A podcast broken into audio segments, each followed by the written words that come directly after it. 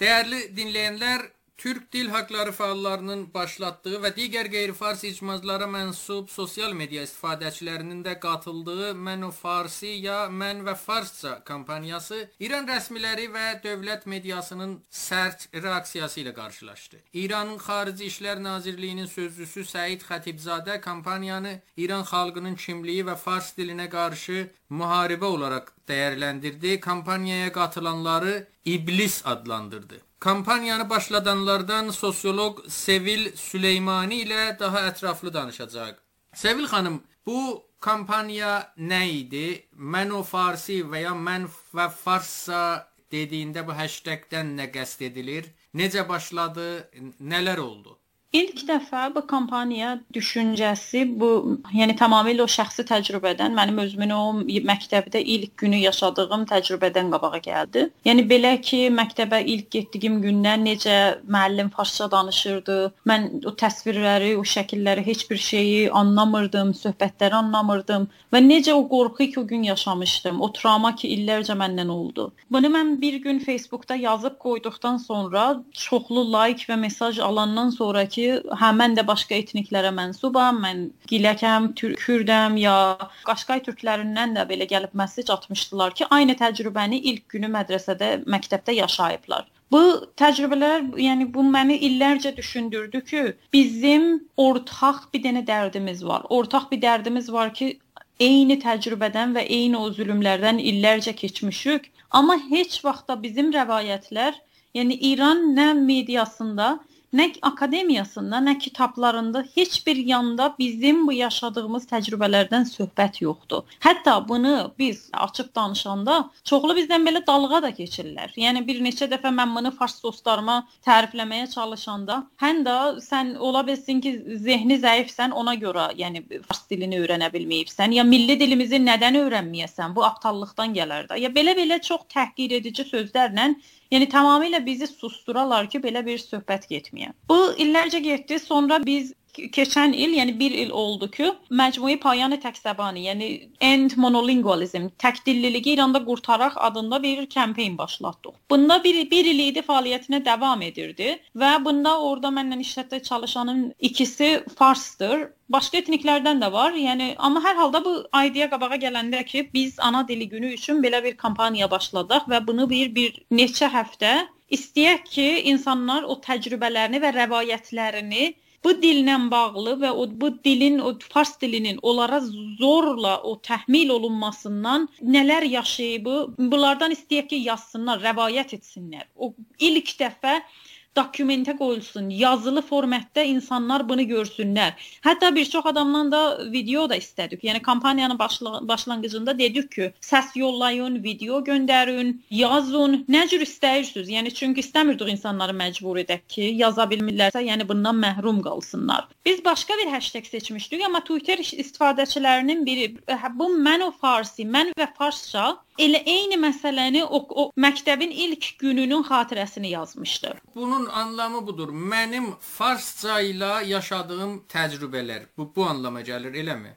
Bu ibhamı mən sevdim. Yəni bu artıq açıq qoyur. Mən və farsça. Sən və farsça ola bilsin ki, bir e, travma yaşayıbsan və sən və farsça ola bilsin ki, onu yəni bu dil səni o Çünki biz türklər bir sıra səsləri, yəni o farslılar kimi tələffüz edə bilmirik. Bu tələffüz edə bilməməyimiz hər zaman bizi bir dalğa mərkəzinə, bir e, o, o jok deməyə, bizi aşağılamağa səbəb olur. Bu təcrübələr də çoxdur. Yəni farsçanı danışmadığın üçün ola bilsin gəlib sənə olan o təhqirlərdən danışasan. Yəni rəvayət artıq o, yəni sənin əlindədir. Mən və farsça sən yazar olaraq necə bu rəvayəti və hara götürmək istəyirsən. Sadəcə biz istəyirdik ki, olan zülmlər və çəkilən o ağrılar gəlsin və bu hashtagin içində deyilsin. Yəni bu kampaniyanın əsas hədəfi də o idi ki, insanlara desin ki, ana dilindən istifadə etməmək, ana dilində dərs oxumamaq, ana dilini üstündə, ana dilini danışdığı üstündə təhqir olmaq bu nə deməkdir? Yəni bu təcrübələri ilk dəfə o biri o insanlara göstərək. Sevil xanım, bu Xüsusilə də Twitter və Instagramda əslində o biri sosial şəbəkələrdə də var idi, sanıram bu ikisində daha çox idi. Orada baxanda bu hashtag istifadə edənlərin profilinə baxanda həqiqətən də çox fərqli şəxslər var idi. Fərqli təhsil səviyyəsində, fərqli ictimai siniflərdən olan insanlar çox o müxtəlifliyi orada görürdük. Say baxımından da bir rəqəm əldə olundumu? Mən də tam dəqiq rəqəm hələ verə bilmərəm, çünki bu hashtag hələ vurulur, hələ yazılır. Yəni ilk günlərdə baxdıqda 8-9 min arasında gün ərzində sadəcə Twitterdə, yəni bu hashtag vurulurdu.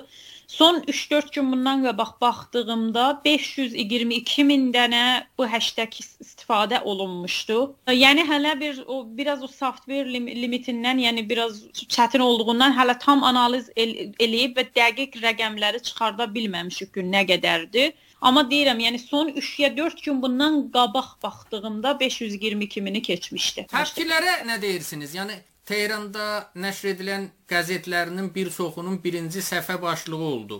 Bu qədər təpkini bu genişlikdə ya və ya bu sərtlikdə reaksiyanı siz gözləyirdinizmi?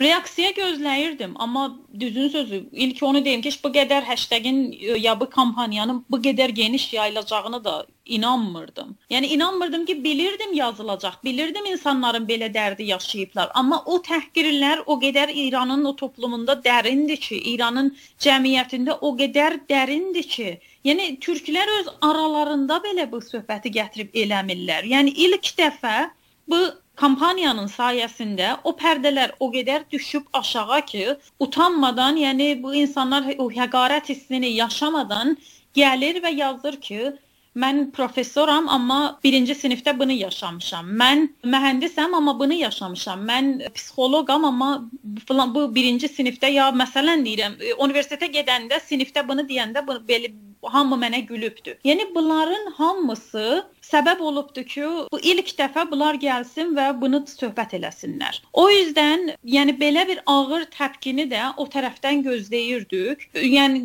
mən gözlürdüm. Daha çox o pan-İranistlərdən və o İrancı olan qüvvələrdən belə bir təpkini gözləyirdim. Amma düzün sözü dövlət səviyyəsinə çatması bu hashtagin nə qədər geniş yayılmasını göstərir. Yəni bunu göstərir ki, bu hashtag o qədər geniş yayılıbdı və İranın da dövlətçiliyinin, yəni farsçılığının əsas o bunyanını necə deyim, oxu sanki tutub və İranın o ən əsas o ayaq üstə saxladığı o nasionalizmini, milliyyətçiliyini ki, farsçılıqdır, onu nişanə aldığı üçün bu təpkilərdə ondan ə, mən, gözlənilirdi, belə deyim. Yəni deyirsiniz, hələ təpkilərdən öncə biz bunun bu şəkildə genişləyəcəyini də gözləmirdik. Niyə genişlədi? Yəni insanlar mənim yaşadığım bir pis təcrübəni başqası da yaşayıb. Bunu gördülər və həyəcanlandılar, bunu paylaşmaq istədilər. Bu niyə genişlədi bu şəkildə? Sizin dəyərləndirməniz nədir? Məncə bu ilk dəfə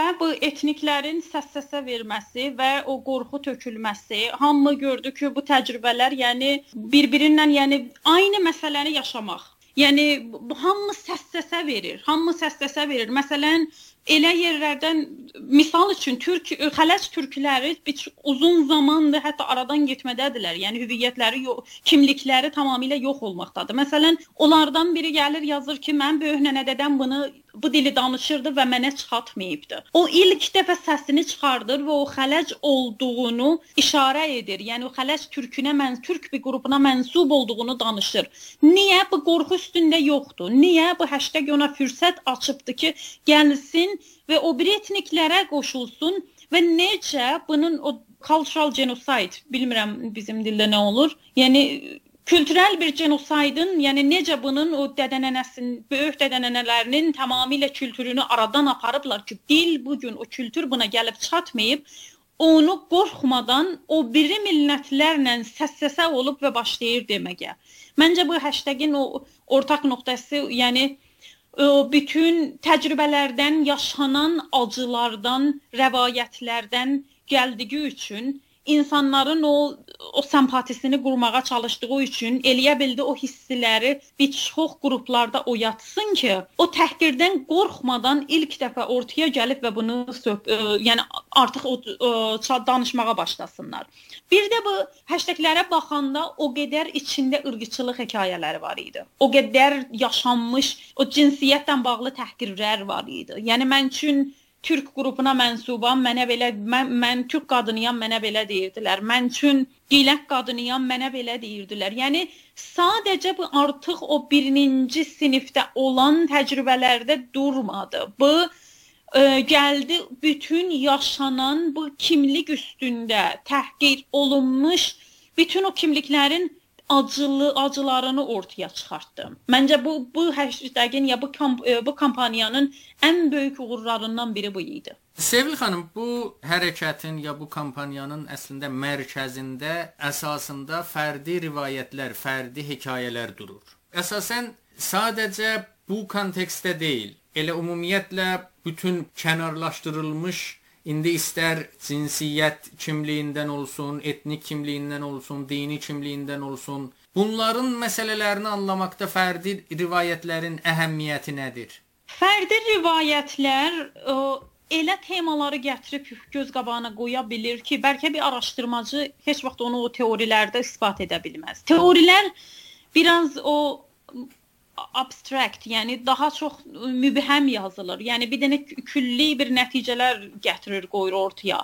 Amma elə ki və bu bizən bir çox zaman o ə, adi cəmiyyətə çatmaqda çətinlik çəkir. Yəni məsələn mən gəlim indi 1 saat burada oturum, sosioloji baxımından ırqçılığın nədənlərindən danışım.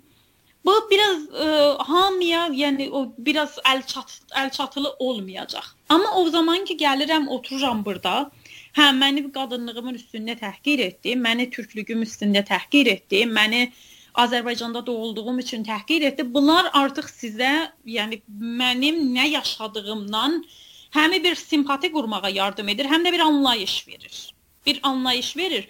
Bir də içində elə temaları gətirir ki, bəlkə heç o biri araşdırmalarda onu axtarmırdın. Yəni mən bəlkə gəlmişdim. Mənim heç bu kampaniyanın yəni başladanda ağlımdan keçməzdi ki, bir gün gələk onda o kli, cinsiyyət klişələrinin də söhbəti gəlib çıxsın ortaya. Beynim o qədər təmərküzdə idi ki, ırqçılığı biz araşdıracağıq.